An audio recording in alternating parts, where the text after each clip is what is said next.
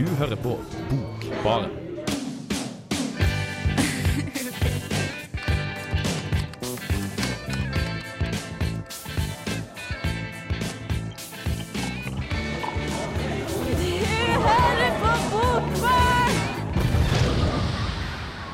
Det gjør du.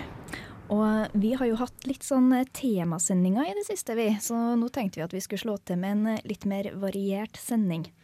Vi skal ha om den nye romanen til Sophie Oksanen, 'Baby Jane', som det er ganske store forhåpninger til, vil jeg tro. Og vi skal også innom diktere som Linda Klakken og Hans Petter Blad. I tillegg så har vi ukas dikt av Harold Pinter, som dere skal få høre om mer, mer om straks nå. Men først så har vi eh, Maria Lando av Sonora. Ja, hallo, ja. Du, Trondheims eh, vakre fjell og Nidelv ja, Det er Tore Renberg her. Dette er studentradioen i Trondheim. Og du er jævlig heldig som hører på den. Det var ukas dikt av eh, Harold Pinter, og han er kanskje mest eh, kjent for å ha vunnet Nobelprisen i litteratur i 2005, syns ikke Tror ikke det du òg, Martin? Jeg tror nok eh, at det folk flest forbinder med Harold Pinter, er det at i den grad man har hørt om han, så er, en, så er han en forfatter man har hørt at har vunnet Nobelprisen, men aldri lest noe av. Eh, og det her er vel kanskje fordi han var Han hadde vel én roman som het 'Dwarfs', eller et eller annet sånt, uh, som jeg ikke har lest, men, og skrev litt grann dikt, men mest kjent som dramatiker.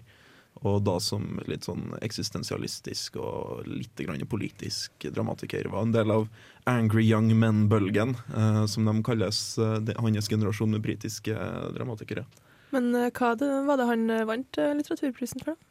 Og han vant det vel eh, altså Det er sånn veldig sånn typisk, eh, typisk uh, Vi for forfatterskapet-type ting. Hva han egentlig vant for, det var det litt mindre farlig med. Men jeg husker ikke hva som var den siste utgivelsen hans før Nobelprisen.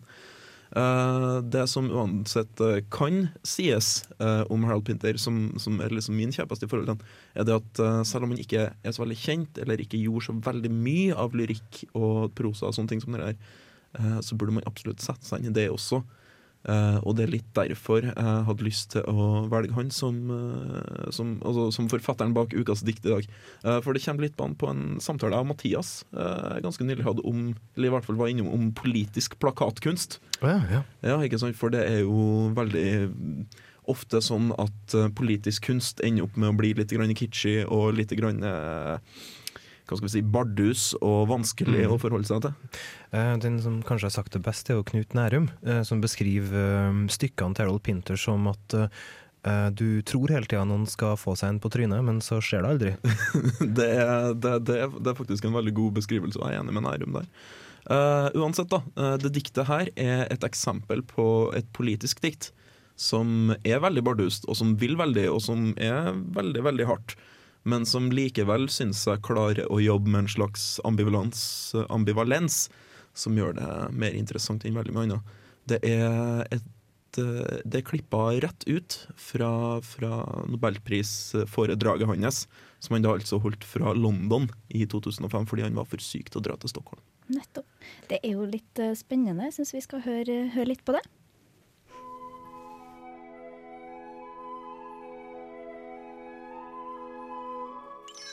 Ukas dikt.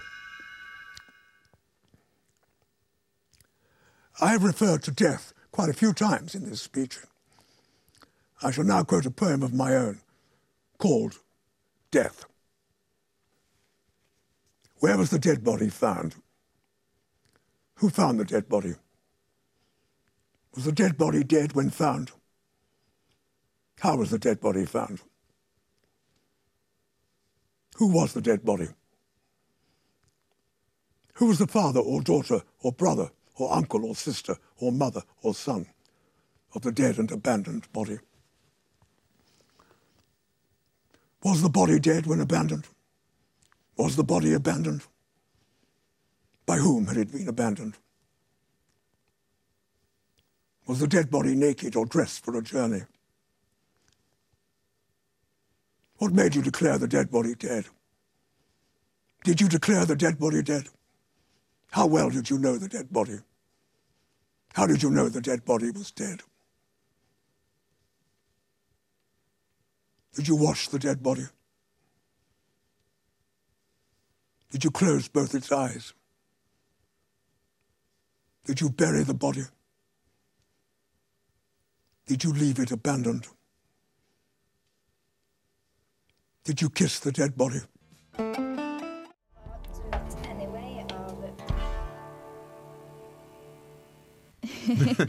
Der fikk du høre 'Do It Anyway' av Real Ones. Og før det igjen så, så var det ukas dikta av Harold Pinter, som vi snakka om tidligere. Eh, Vi skal over til, til ei dame, Mathias. Ja. Det skal vi.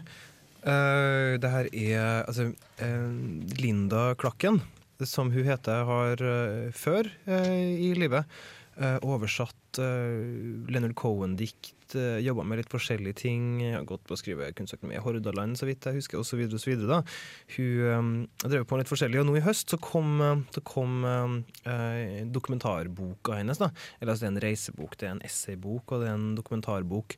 Uh, og Den er på en måte sentrert rundt Lawrence Ferlinghetti, som er og var eh, forlegger for City Lights, eh, som er en bokhandel og, en, og et forlagshus i San Francisco. Han er da eh, såkalt beatpoet.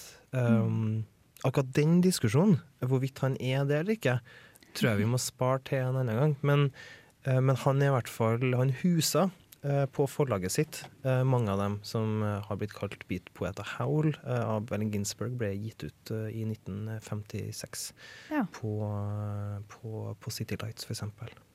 En en sånn eh, frontperson, eh, vil du si? På mange måter så var han det. Og han var jo gjennom mye rettssaker osv. Så, videre, og så, videre. så han, eh, han kan på en måte kjennes igjen på at han alltid har gått med sånn Chaplin-hatt. Han har vært sånn eh, Chaplin-fan, på en måte.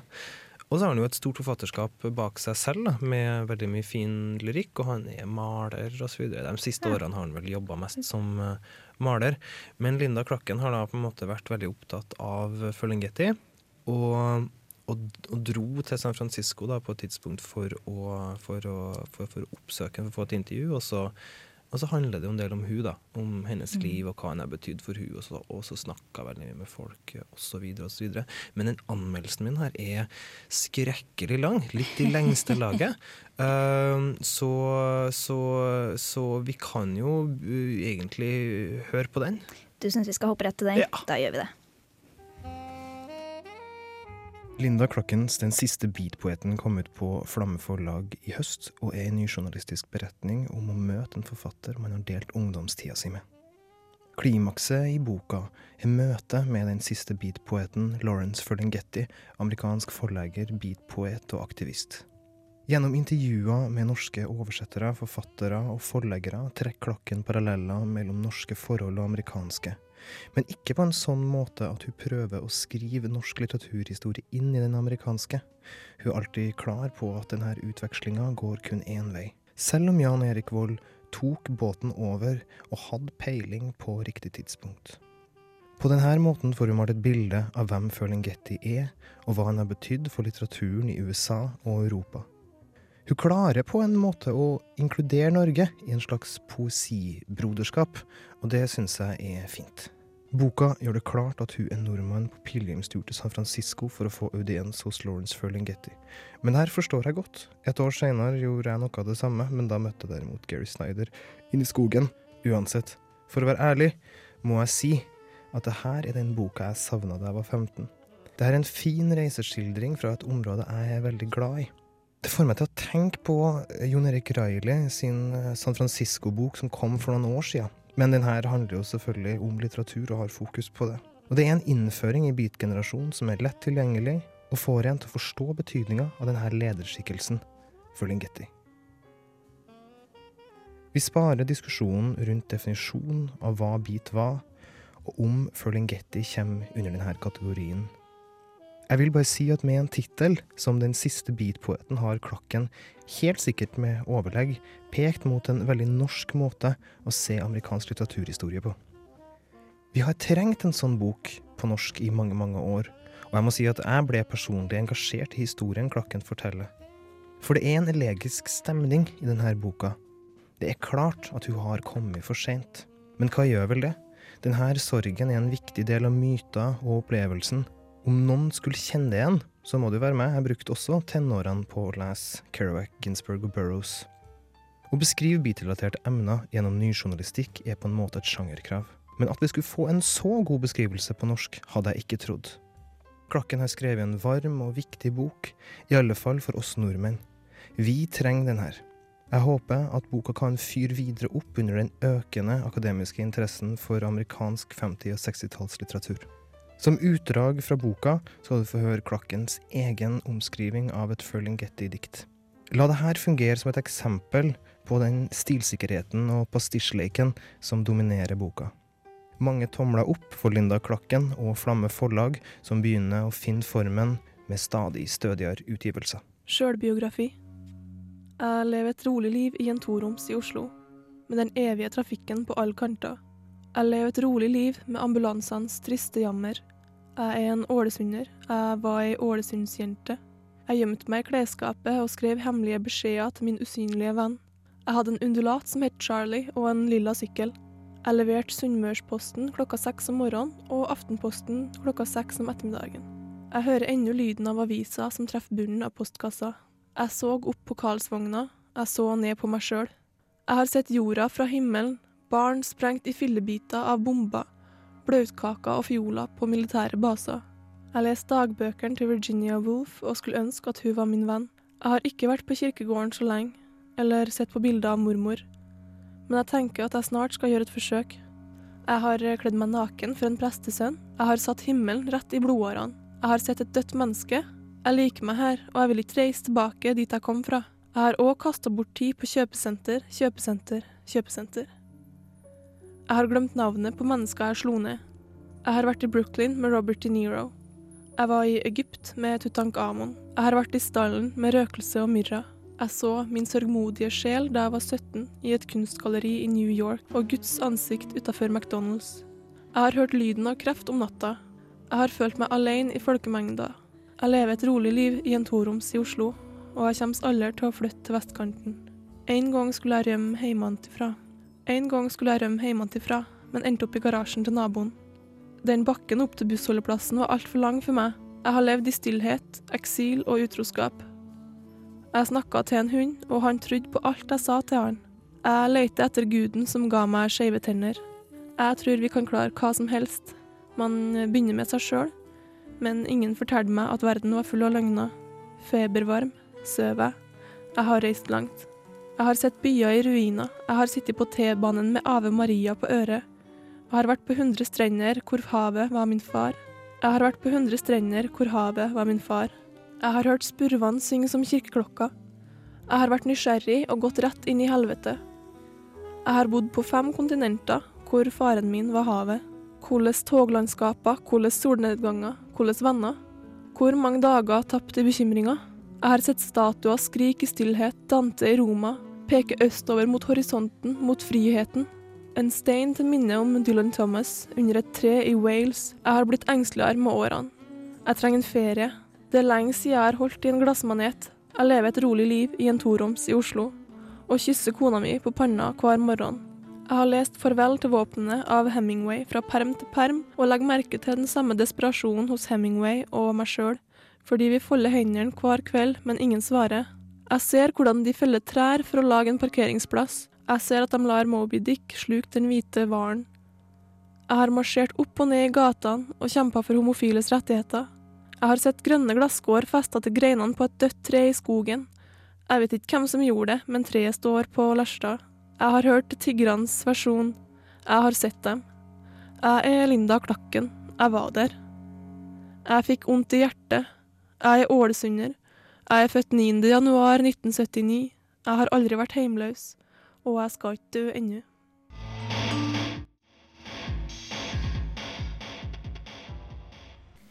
Før du fikk høre om Nesten helg, så var det The Hex du lytta til. Og før det igjen så snakka vi om Linda Klakken og hennes Den siste beatpoeten. Den lengste saken jeg har laga på et år, i hvert fall. Den er veldig fin. Hvor lang, hvor lang var den? Uh, Den var oppunder uh, sju og noe. Det er Seks minutter og 41 ikke den lengste saken du har laga på Nei. over et år. Jeg tror ikke? Ja, men altså, grunnen til at den ble så lang, var fordi at Kristines sin eh, opplesning av uh, diktet, som på mange måter avslutter denne boka, var så fryktelig vakkert. Eh, Jeg tror at Kristine og Linda Klakken er søstre. I ånden, på en måte. Ikke på Eh, ordentlig, i hvert fall. Nei, Eh, men i ånden, eller noe sånt. Fordi hun leste så vakkert. Så jeg tror nok at det er mulig at det her blir en nettsak, og at vi er kanskje legger ut den i sin helhet. For nå måtte vi til og med kutte av tre minutter eller noe sånt på det diktet. Det er veldig langt, og det er jo en pastisj, eller en sånn kopi, på en måte, av Ferlinghetti eh, sitt dikt som heter Autobiography. Autobiografi. Autobiografi. Ja. Det, er da, det er da når du beskriver livet Ja. til en bil. Ja, riktig, Martin. Så, her, eh, så det her diktet har jo på en måte gjort det sitt, da. Ikke sant? Mm. Og, og på en veldig god måte. Det er et veldig godt skrevet dikt. Altså, viser liksom hvor dyktig hun Linda Klakken egentlig eh, er. For Linda Klakken er dyktig også. Jeg syns hun er dyktig. Synes jeg er veldig dyktig. Eh, det er jo mye å sjonglere, alt det som skjer i denne boka her. Ja, det.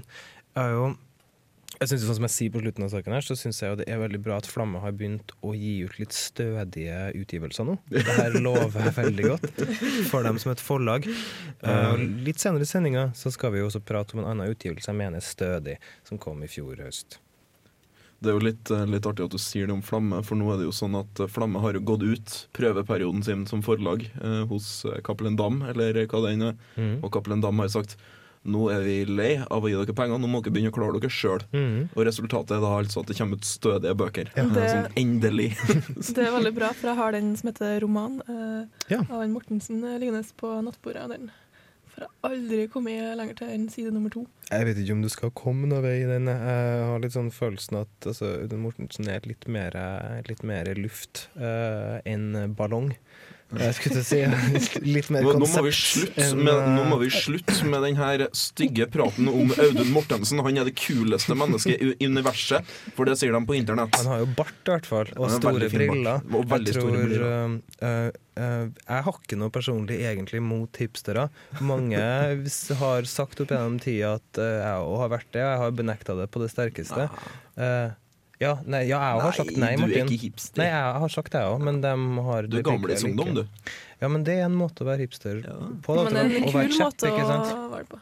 Ja, det kan du si. Uh, jeg, men, Da var jo men en jeg har sånn vært ja, men jeg har vært Jeg var jo i uh, Williamsburg i Brooklyn nå i sommer, og det var jo ikke akkurat som det rente over av hipstere. Så jeg tror jo at det begynner å dabbe av litt, den derre typiske hipsteren. Kan ikke vi, kan ikke vi bare si det at hipstere er litt teit? At Audun Mortensen er helt eh, kul som hipster, men litt kjip som forfatter, og bare legge debatten da? Ja. Snart kommer emo-stilen tilbake, da. Uff da. Jeg syns vi må oppsummere det der. For at, eh, Frisøren min Før det går helt over Nå alle kommer bredder. programlederen og drar proppa ut av deg, Mathias. Nå er det på tide å hysje.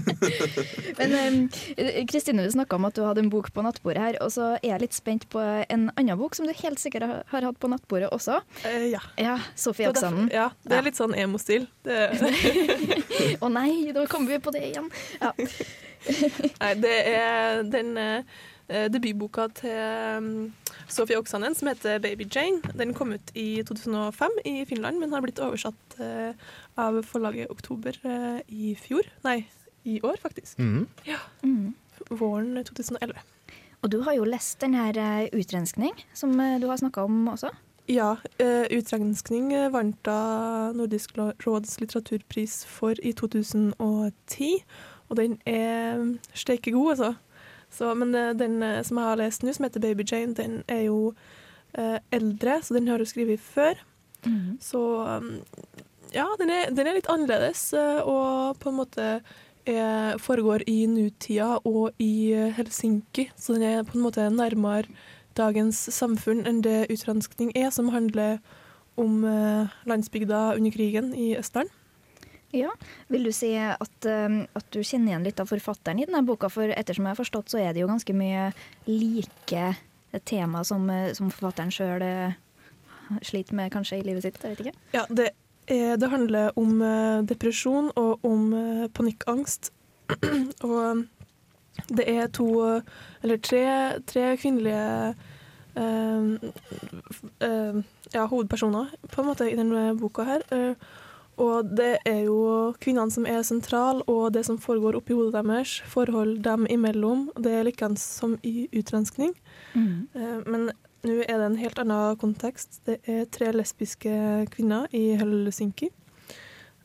Og Piki er den sentrale. Hun er eldre og har fått seg en ny kjæreste, som er en eh, ikke navngitt forteller, som eh, da forteller om, eh, om sitt eh, forhold til Piki, som viste seg å være alt annet enn enkelt. Jeg syns vi skal høre litt mer på hva du har å si om det. Piki var definitivt byens kuleste lesbe da jeg kom til Helsinki som ung jente og var fullstendig uerfaren i forhold til kvinner. Piki var ti år eldre enn meg og hadde allerede sett alt i Helsinkis homoverden. Hun hadde hengt over diskene i dagens og i for lengst forsvunne homobarer og vaska dem, iblant med velta ølglass, iblant med sitt eget spy, iblant med neseblodet til en nebbete lita bitch. Hun hadde deltatt i frigjøringsdager og gått i tog og svingt seg på Gambrini, og bildet hennes hadde hånflirt i Zeta-bladet. Og hun kjente alle, og alle kjente henne. Hun hadde ligget med 55 kvinner før meg og stjålet biler og deala speed. Hun hadde tatoveringer og piercinger, og hun hørte på Musta Parati og Lord of the New Church. Militærstolene hennes hadde røde lisser, og hun røkte kamel. Hun gikk med herreskjorte, røde seler, knebukser og slips. Og den millimeterkorte piggsveisen hennes så ut som den ville kile akkurat passe mellom lårene.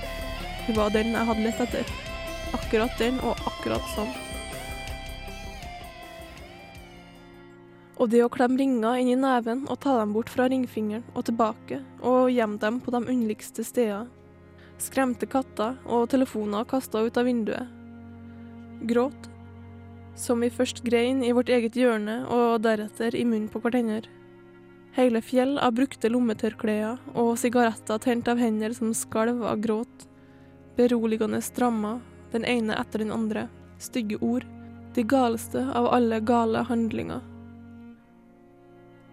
Jeg pusta som om jeg var allergisk mot surstoff, og skifta strømpebukser og undertøy med et par timers mellomrom, og sov med strømpebuksene på og fikk ikke fred fra kundene et eneste øyeblikk. Kravene deres holdt kroppen min i et fast grep fra tærne til midja, med varierende styrke, og jeg klarte ikke å glemme dem. Ikke engang i de stundene som var reservert for bare meg sjøl. Om natta våkna jeg av at jeg klødde meg på leggene. Hvis strømpebuksene jeg hadde på meg var tynne, kunne jeg smøre fuktighetskrem utapå, og det roa ned huden. Med tjukkere gikk det ikke an, og støttestrømpebuksa var mye mer populær enn sju deniers sommerstrømpebuksa. Piki ble nervøs av den stadige kløinga mi, og jeg prøvde å dempe meg når jeg var hos henne. Jeg klarte likevel ikke å glemme presset som begynte ved beltestedet, for jeg kjente det rundt meg hele tida. Og støtteremsene i pushup-strømpebuksene klemte kjøttet mitt inn på stadig mindre plass, akkurat som de ville prøve å presse det sammen til ingenting. Og hvert øyeblikk kjente jeg hvordan lukta mi satte seg fast på kryss og tvers i den strikka polyamiden, og fra huden min falt det små partikler ut gjennom den. De her dagene hadde i seg smaken av slutten, sjøl om jeg ikke oppfatta det da.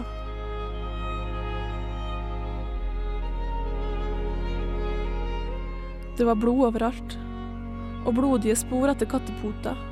De hadde tassa rundt i leiligheten, og sjøl om de iblant hadde vaska seg, så fikk de stadig vekk blod på seg på andre steder. Sånn fikk jeg det fortalt. Jeg så det ikke sjøl, for jeg var på balkongen da ambulansen kom. Jeg hadde flykta dit og hørte bare sirener. Balkongen var på den andre sida av huset, så jeg så ikke hva som skjedde rundt bilen. Jeg klemte bare jernrekkverket inn i håndflatene og vokta meg for gulvet. Det sto et skilt på balkongdøra om at det var glatt. Jeg var altfor full til å forstå eller huske klart hva som egentlig skjedde den kvelden, eller hva som ikke skjedde.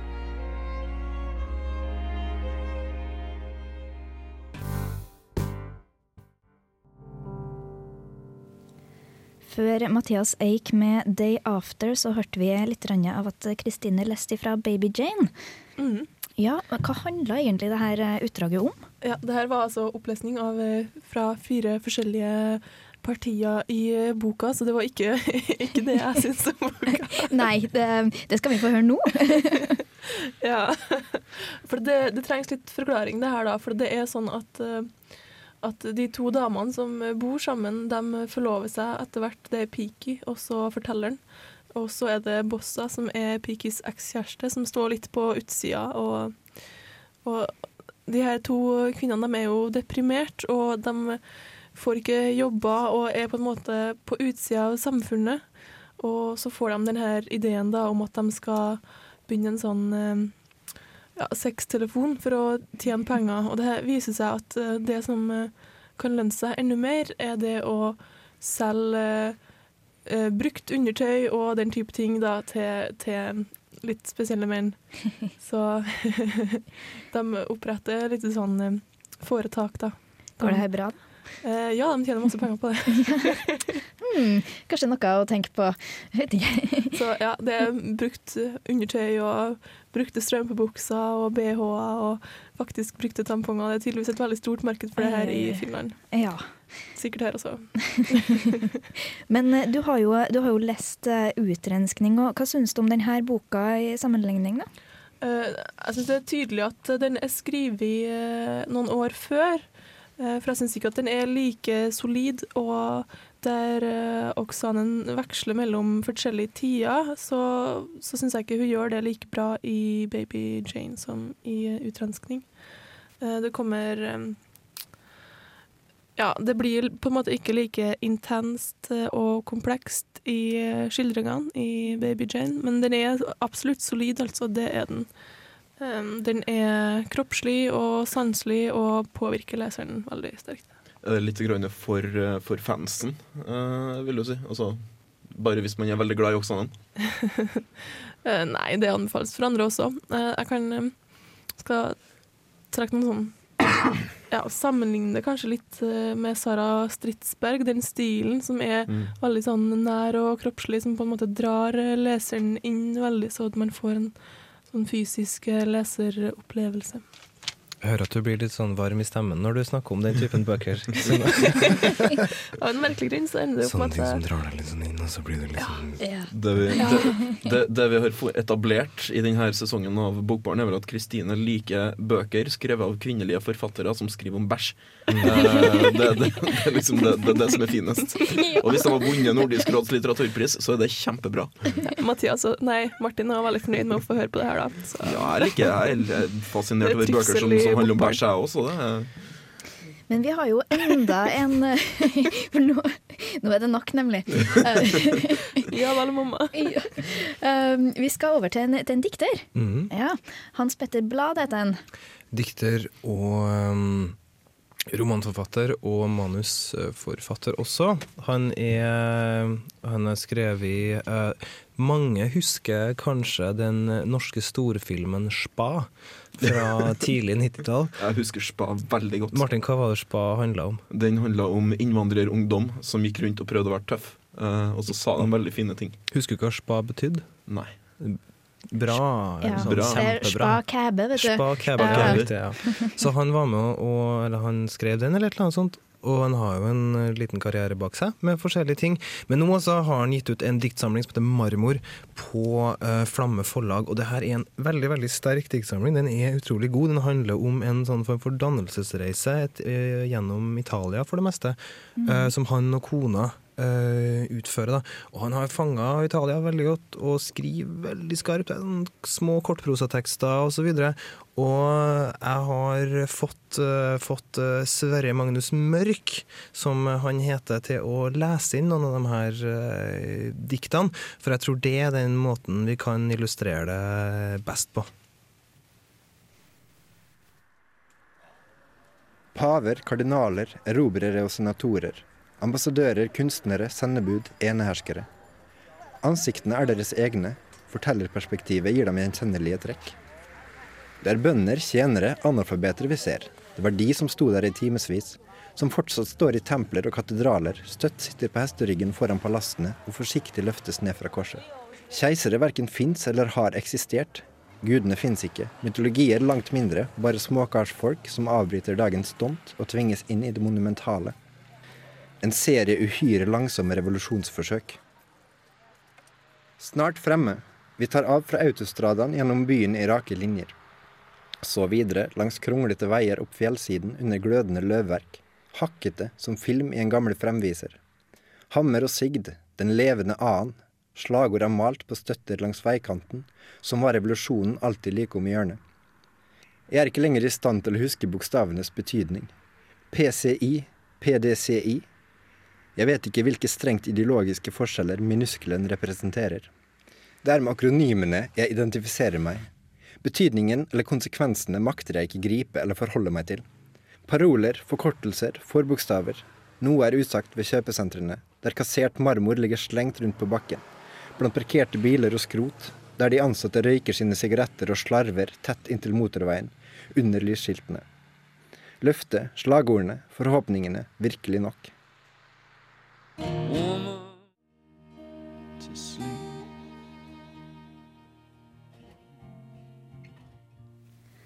Woman When I Raised Hell heter den sangen da av Josh T. Pearson. Persson. Persson! Jeg vet ikke. Det er tydeligvis uh, nutidens svar på Leonard Cohen. Nutidens svar på Leonard Cohen. Ja, Ja. jajamensan. Ja, Persson. Persson. Nå syns jeg ikke vi skal overdrive her. Nei. Før det så var det Sverre Magnus Mørk som leste opp eh, ifra Hans Petter Blads eh, siste diktsamling. 'Marmor' heter den. Kom ut på Flamme forlag i høst. Kan anbefales for eh, reiselystne og historieinteresserte i alle aldre. Veldig godt, en veldig god beskrivelse av et parforhold og på en måte en ferie, samtidig som han har fått med veldig mye observasjoner og eh, og på en måte tanker rundt historiske steder osv. Det høres litt tørt ut, men det er virkelig bra. Altså. Uh, kjøp og se på og støtt eh, Flamme forlag, som går dunken hvis man ikke kjøper de bøkene de har gitt ut i år. Det var trist. Ja, ja.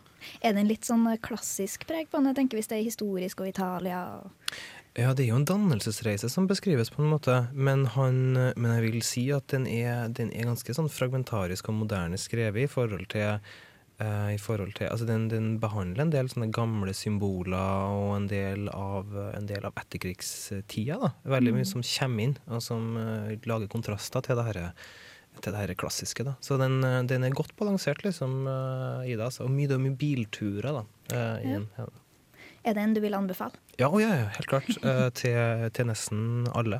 Hva- Dem som Hvem, hvem vil du ikke anbefale det? vil ikke anbefale den til folk som er mer interessert eh, i eh, andre land.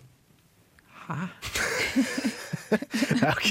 Nei, OK. Den, den, den er anbefalt til alle. Greit? Greit. Vi har jo snakka om, om Baby Jane tidligere, vi. Mm, det har vi, vet du. Ja, hva, altså den her, det her navnet er jo litt spesielt, da. Er det noe som reflekteres i boka, eller er det noe helt for seg sjøl, eller? Eh, ja, på, på flere plan så vil jeg si at det reflekteres i boka. Uh, og det som eh, nevnes sånn eksplisitt i boka, er, da, er jo låta av Rod Stewart som heter 'Baby Jane'. Nettopp. Det her handler om uh, ja, vanskelig kjærlighet og alkoholisme og, og den type ting, da. Men også det jeg tenkte på først, da, var filmen 'What Ever Happened to Baby Jane', eller romanen da, av Henry Farrell fra 1960. Eh, og Det er en sånn gotisk eh, horrorfortelling som handler om to søstre, sånn aldrende, som prøver å ta livet av hverandre Oi. og ikke drive sammen. Men jeg tror nok at uh, Oksanen tenkte på, tenker på låta, da, Ja. som heter 'Baby Jane'. Vi skal snart si ha det, men først skal dere få høre Drop Out med Icy Horses. This is Alan Moore, and you're listening to The Book Bar. Icy Horses der også, med Dropout. Vi har jo hatt ei veldig variert sending i kveld. Jeg vil si Vi har jo hatt både dikt og, og nye romaner og, og en nobelprisvinner også. Så en, en fin, variert sending etter, etter en del temasendinger. Det syns jeg er på sin plass. Vi har, eh, ja, jeg ville si en eh, takk til Martin Ingebrigtsen, Kristine Bangstad Fredriksen, Mathias Samuelsen. Tekniker var Arne By, og jeg heter Line Bjerka. Hør oss på radiorevolt.no eller på FM 106,2 eller 100. Vi høres. Fuck off, you prick.